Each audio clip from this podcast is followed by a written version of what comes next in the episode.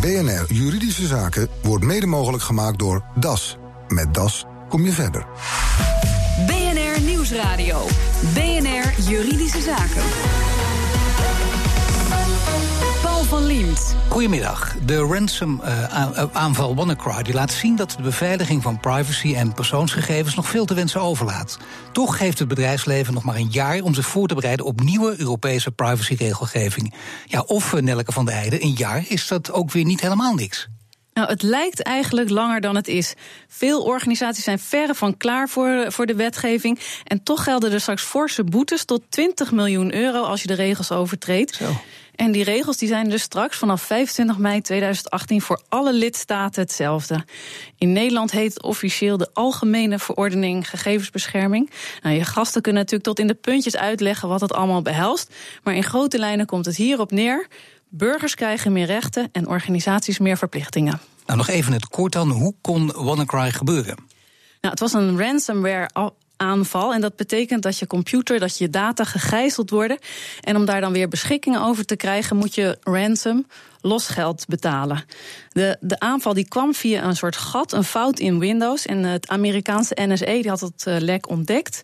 Maar niet meteen gemeld, omdat het dan mooi zelf uh, via dat gat kon uh, speuren. Ja. Nou, vervolgens is, is NSA dus weer gehackt en konden criminelen er ook gebruik van maken. En zo ontstond WannaCry.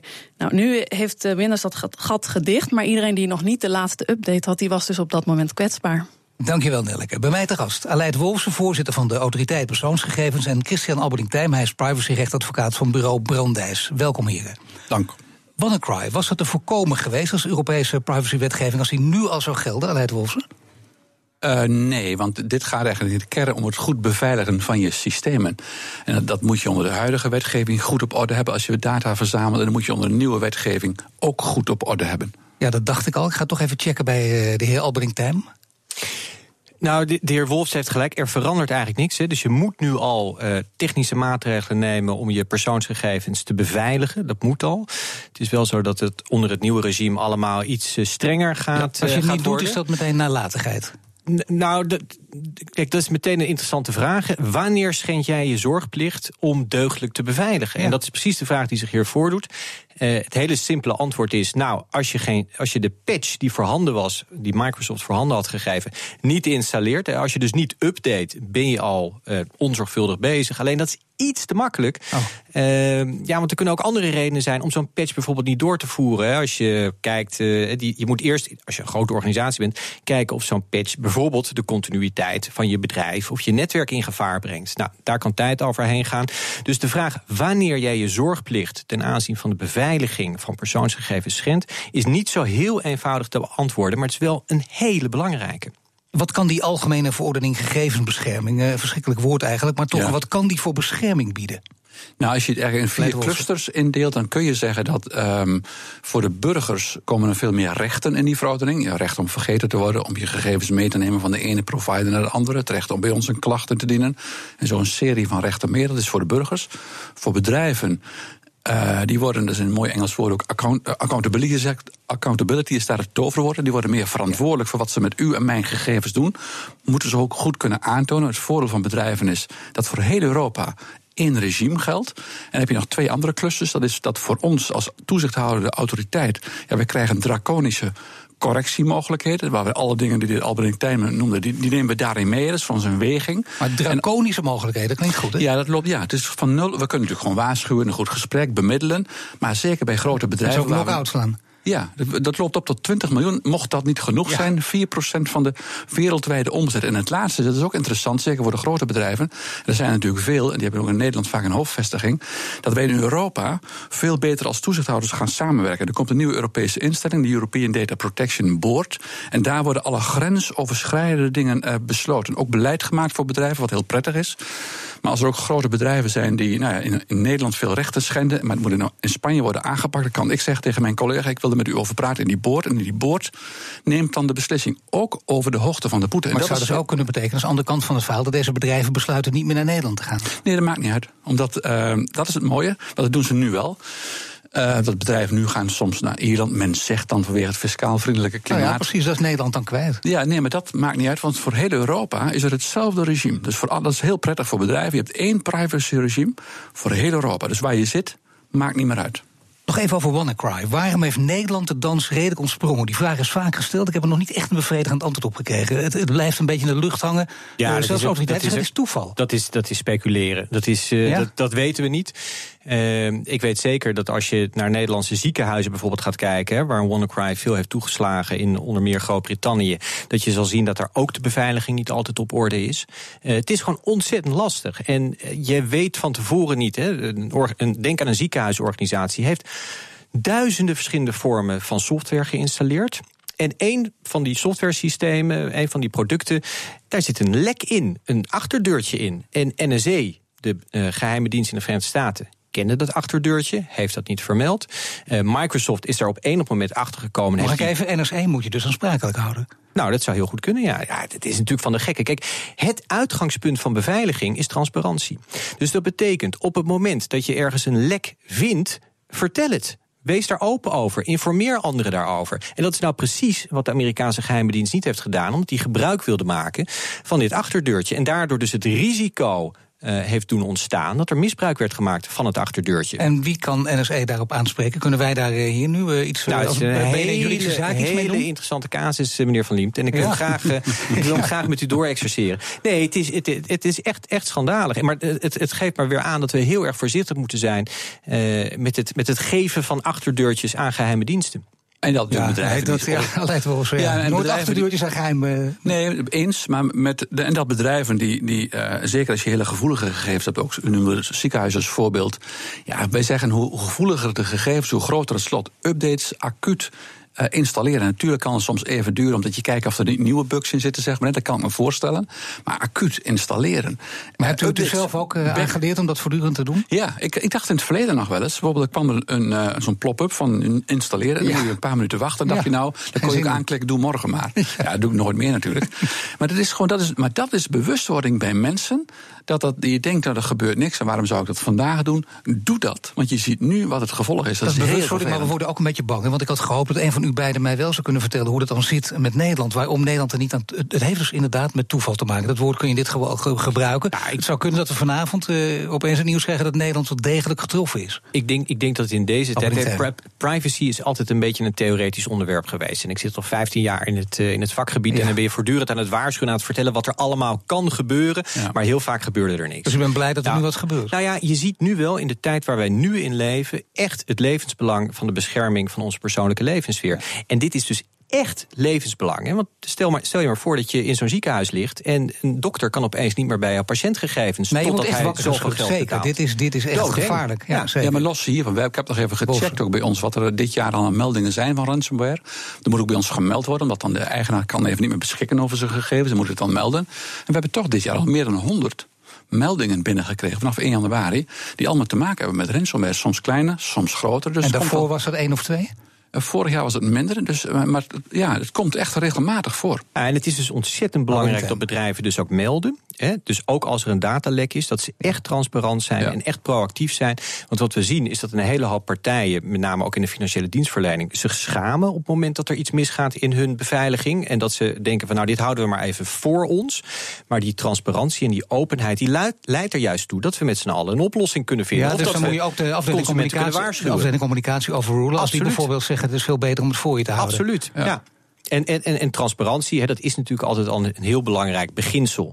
Maar ook in de nieuwe uh, verordening, hè, de AVG, uh, eh, die dan vanaf mei volgend jaar van kracht gaat, waar mensen zich nu op moeten voorbereiden, is transparantie het leidende beginsel. Ja. Nou zijn er altijd bepaalde sectoren uh, die de situatie onderschatten. Die denken, nou het zal nog wel meevallen. Misschien zelfs na vandaag. Welke sectoren zijn daar vatbaar voor? Nou, je ziet in de zorg soms bijvoorbeeld, maar dat is een beetje willekeurig. Ik moet natuurlijk een beetje oppassen. Maar nou, dat hoeft niet. Nou, oké, oké. In de zorg bijvoorbeeld zie je soms toch nog wel uh, veel naïviteit uh, bij, ook bij artsen. Terwijl artsen, die hebben een medisch beroepsgeheim. Je zou zeggen van nature, nou, advocaten die, die leven van het beroepsgeheim. Artsen hebben dat ook. Dus ik had wel verwacht toen ik begon in deze functie dat er ook daar meer die bewustwording was bij medici om heel vertrouwelijk om te gaan met u en mijn gegevens. Want we merken ook, ik loop elke maand, ga ik een paar uur mee aan de telefoon bij ons, de mensen die bellen. gaat heel vaak over medische gegevens. Mensen willen één ding geheim houden, dat is het gesprek met hun dokter. Gemeenten zien het ook, en eh, nog wel naïviteit, omdat er, die hebben heel veel nieuwe taken gekregen. Weten ook heel veel van mensen. En die moeten dat ook uh, op orde hebben. En bij de advocaten zelf is er ook nog een, een wereld te winnen? Mm, dat durf ik zo niet te zeggen. Nee, ik, ik, denk, ik, denk, ik, denk, wel bij de specialisme van advocaten, eerlijk gezegd. Uh, maar dan zit ik hier op denk dat is natuurlijk een specialist bij uitstek. Maar, maar dat is, ik, denk, ik denk wel de bewustwording bij advocatenkantoren, bij grote advocatenkantoren en bij accountants trouwens. Accountants die hebben heel veel controles over financiële gegevens bij bedrijven. Gaan nu ook steeds meer kijken of de databescherming op orde is. Het steeds onderspellender, meneer Wolfs, als ik u zo hoor. Wat zegt u? En nee, het steeds onderspellender. Het begint met de zorg en daarna blijken de nee, nee, nee, nee, nee, maar, nee, kijk, kijk, de heer Wolfs heeft helemaal gelijk. Kijk, goed. Kijk, iedereen met een geheimhoudingsplicht en, en, en omgekeerd een verschoningsrecht. En journalisten, mhm. meneer Van Liemt, vallen daar ook onder. Oh ja, nee, uh, nee maar die, die, echt, die, die wettelijke uh, geheimhoudingsplichten hebben en, en, en dus rechten hebben, die moeten extra oplettend zijn. En dat geldt dus ook zeker voor de beroepsgroep waar ik actief ben. Maar het zijn nogal wat beroepsgroepen die dus extra oplettend moeten zijn, maar het niet zijn volgens de heer Wolfsen. Daar schrikt u daar ook van, of wist u dat Nee, daar schrik ik helemaal niet van. En daar eigen beroepsgroep daar, dus daar schrik ik helemaal niet van. Daarom ben ik zo blij dat uh, de autoriteit persoonsgegevens het recht krijgt en al deels heeft om flinke boetes op te leggen. Want het is jarenlang een tandeloze hond geweest. En nu kan de autoriteit persoonsgegevens echt iets uithalen. Ik, ik wens het de heer Wolfsen toe dat hij ook nog een gigantisch budget krijgt... op basis van uh, de, nieuwe, de nieuwe formatie die Zullen we, die gaan vragen? krijgen. Krijgt u dat ook? Dat ja, wij gaan, uh, wij gaan fors uitbreiden. Ik kan geen precieze cijfers noemen, maar ik heb vorige week... ik denk dat ik dan geen groot geheim verklap was ik bij de staatssecretaris. Want Hebben we het over transparantie hier? Ja, nee, maar omdat het rapport... Hey, we hebben een mooi rapport gemaakt waarin we hebben doorgerekend... wat die nieuwe taken aan nieuw werk met zich meebrengen. Ook die Europese taken, die boetetaken, die ombudsmanachtige taken. Nou, dat is echt, die uitbreiding is echt substantieel. En dat is ook goed, want die gebruiken we ook weer. En dat doen we nu te weinig, zeg ik ook maar heel eerlijk. Brancheorganisaties voorlichten wat hun hun klanten, zeg maar, hun aangeslotenen uh, moeten gaan doen. Daar hebben we wel eens te weinig aandacht aan besteed. Want die brancheorganisaties kunnen hun achterban weer informeren. Maar ja, gaat u, alle, u bent geen tandeloze tijger meer. U gaat enorme slagen maken. Uw budget wordt forser en groter. En bovendien, u kunt stevige boetes uitdelen. Heel belangrijk. Maar wie, naar wie gaan die boetes nu voornamelijk? Nou, boetes die gaan naar mensen die die wet overtreden. En op dit moment is de drempel, de boetes zijn nu lager dan een miljoen, de laagste boetes. En je moet dan eigenlijk moet er sprake zijn van opzet of grove schulden. Echt moet iemand een heel serieus verwijt kunnen maken. Dat is vaak weer niet het geval. En wie krijgt het geld van de boetes? Mag u dat, oh, dat gaat, Nee, dat gaat naar justitie. Nee, dat zou, anders zou het voor ons een perverse prikkel zijn. Wij willen heel zuiver en integer blijven handelen. Nee. We kunnen draconische boetes opleggen, maar er moet geen doel zijn van ons om rijk te worden. Die zou wel kunnen de... zeggen dat justitie af en toe zegt, uh, Aleid, uh, doe je best even. Nee, dat kan niet meer, want wij zijn in die nieuwe Europese constellatie zijn wij extreem onafhankelijk. Er staat letterlijk in de wet: wij krijgen nog mogen aanvaarden instructies van wie dan ook. Veel zorgen over de laatste loodjes, maar wordt het leven ook een beetje mooier voor dezelfde privacyregels voor heel Europa? Dat zometeen. BNR Nieuwsradio. BNR Juridische Zaken. Vanaf 25 mei 2018 gelden in de hele Europese Unie dezelfde privacyregels. Bescherming van de persoonsgegevens van burgers. En internationaal opererende bedrijven weten overal waar ze aan toe zijn als het goed is. Mijn gasten Christian Alberding-Tijn, privacyadvocaat bij bureau Brandijs... en Aleid Wolfsen, voorzitter van de autoriteit persoonsgegevens. Meneer Wolfs, u zei het is belangrijk hè, dat we de bedrijven ook uh, heel goed gaan inlichten. Want, uh, meneer Alberding-Tijn, vindt u ook belangrijk, hè, want die bedrijven vragen natuurlijk aan u... Uh, wij moeten, zoals het dan heet, aan compliancy voldoen. Nou, wat zijn kijk, precies de regels? Het grappige is, ik ben al meer dan 15 jaar privacyadvocaat. En ja. het was altijd een verschrikkelijk saai, saai onderwerp. Maar nu is iedereen wakker. Dus tot de boardroom aan toe. Uh, dus u begint ook te, dus groeien en te klimmen. Ja, het is nu hip ineens. Ja. Hè? Dus het, ik, weet, ik weet niet wat ik meemaak. Ze ik heb nog net geen baard, maar ik word heel anders benaderd. Maar de grote vraag in de boardroom is, wat moeten wij doen? En ja. dat zie ik veel om mij heen. Is dat die, de bewustwording is er inmiddels.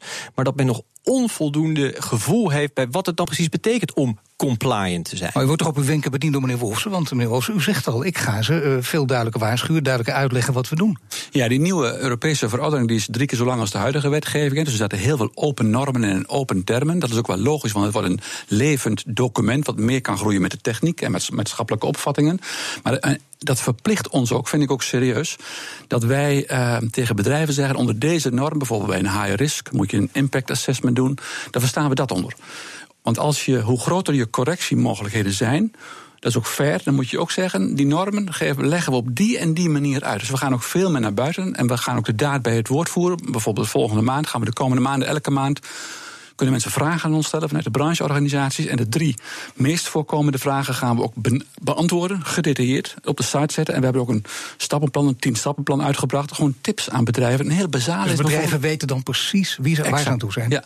Nou, het invullen van die open normen is inderdaad van groot belang. Uh, de autoriteit persoonsgegevens heeft bijvoorbeeld op het gebied van beveiliging al een aantal richtlijnen uh, gemaakt die heel nuttig ja. zijn.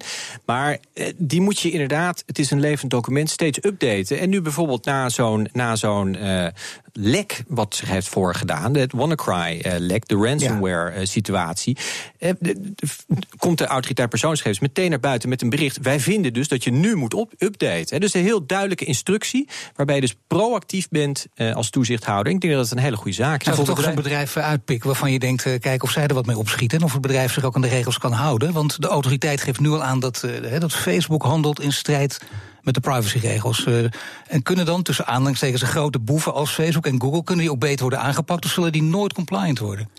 Nou, dat, is, ja, dat is, een, dat is een interessante vraag. Zullen die ooit compliant worden? Kijk, we moeten ons wel realiseren... dat bedrijven als Google en Facebook die handelen in data. Hè, dat is hun businessmodel. Daarom. Dus data is een businessmodel. Je hoeft niks te betalen voor die diensten. Dus ja, het aanpakken van Google en Facebook is een beetje... Eh, zoals de Engelsen zeggen, vis schieten in een ton. Je schiet altijd raak.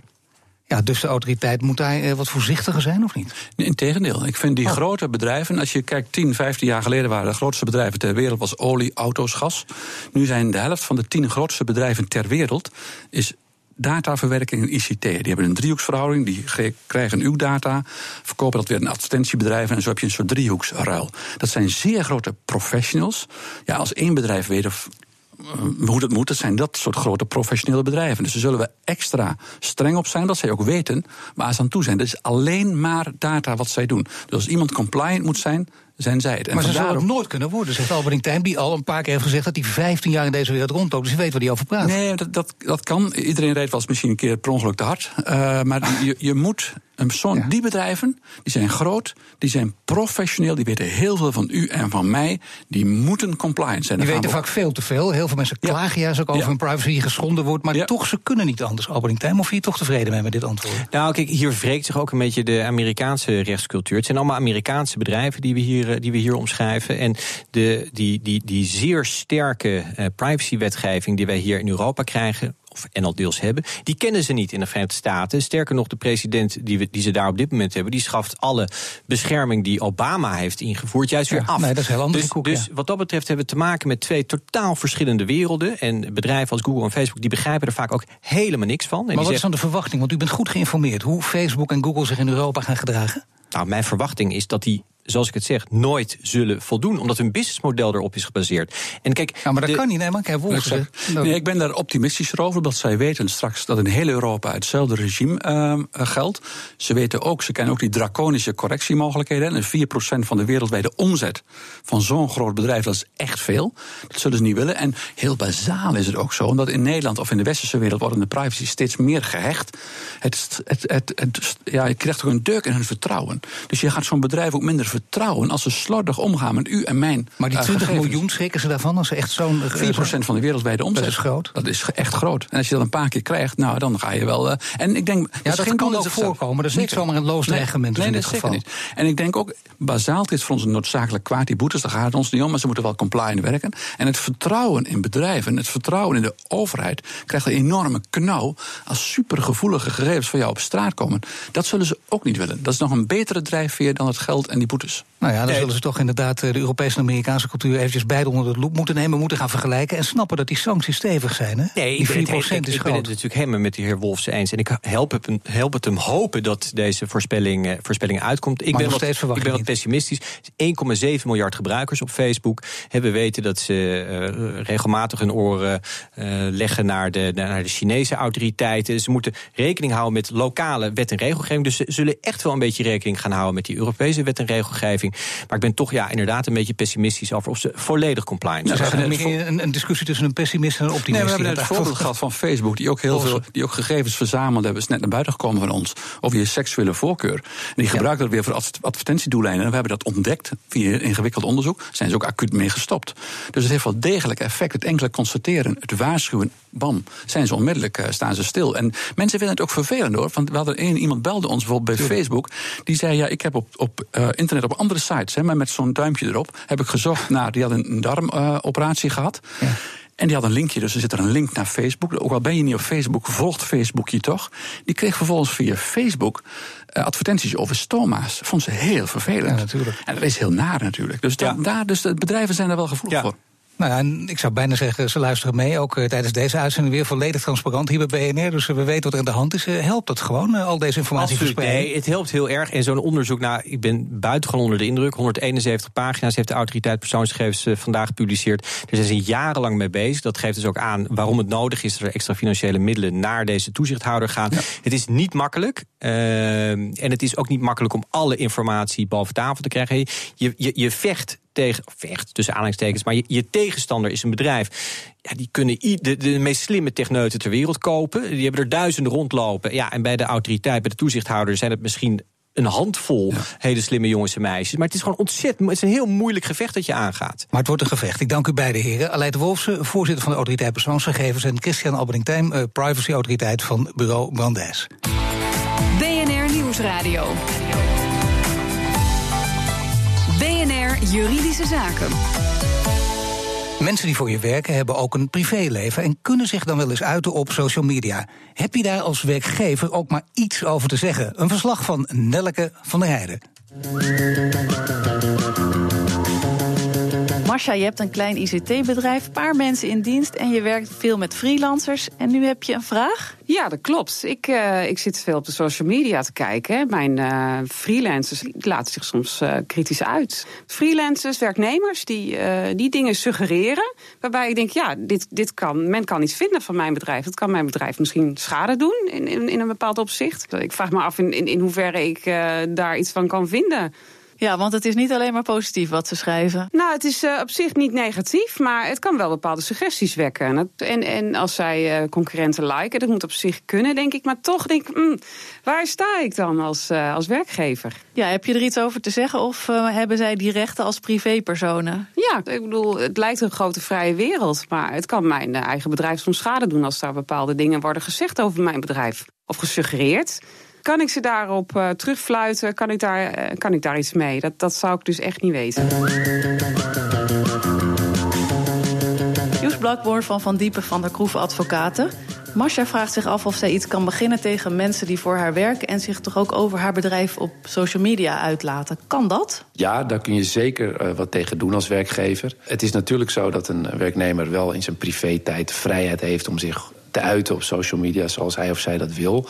Maar die vrijheid wordt wel beperkt op het moment dat je je ook uitlaat over uh, je werkgever. En hoe word je daar dan in beperkt? Nou, je hebt in je arbeidsovereenkomst vaak een geheimhoudingsplicht staan. En daarnaast heb je in de wet gewoon staande plicht om je als goed werknemer te gedragen. En op het moment dat jij je uit over je werkgever überhaupt of op een negatieve manier, dan schend je daarmee in dat geval vaak ofwel je geheimhoudingsplicht of je goed werk nemerschap. En hoe kan Masha daar nou iets mee, mee doen? Nou ja, zij kan uh, een gedragscode opstellen over social media, waarin zij dan aangeeft wat wel mag en wat niet. En wat dan in beginsel vaak niet mag, is het uiten van nou ja, werkgever gerelateerde zaken. Of het negatieve uitlaten over collega's, leidinggevende, uh, relaties van werkgever en eventueel ook het uiten van concurrenten. Ja, dus daar zou dan ook onder vallen wat ze zei van uh, concurrenten lijken. Dat kun je ook voorkomen op die manier. Ja, dat kun je ook op die manier opnemen in zo'n gedragscode. En dat is ook zo. Het is goed om dat vooraf te bespreken met de werknemer. Uh, wat er wel mag en wat niet mag. En het is ook goed om dat vervolgens te laten ondertekenen door de werknemer. Zodat ook vast ligt van nou, we zijn het met elkaar eens. wat wel en wat niet mag op social media. En op het moment dat zich dan een situatie voordoet waarbij die werknemer toch op social media negatieve of, of suggestieve dingen uit richting jou als werkgever, dan kun je de werknemer daarop aanspreken en desnoods ook op sanctioneren. En als die gedragscode er nog niet is? Dan wordt dat moeilijker, omdat er dan een grijzer gebied is van ja, wat mag een werknemer nu wel en wat mag een werknemer nu niet zeggen. En dan wordt het vaker een discussie van ja, maar ik wist niet dat ik dat niet mocht doen of niet mocht zeggen. En dat is moeilijker te bewijzen op het moment dat je dat niet vooraf hebt vastgelegd, maar je kunt daar ook dan wel wat mee. En dat zegt advocaat Joes Blakboord in een verslag van Nelke van der Heijden. Heeft u ook een juridische vraag? Mail hem naar juridischezaken.bnr.nl. Dit was de uitzending voor vandaag en u kunt de show terugluisteren via bnr.nl slash juridische zaken. Mijn naam is Paul van Diemt, tot de volgende zitting. BNR Juridische Zaken wordt mede mogelijk gemaakt door DAS. Met DAS kom je verder.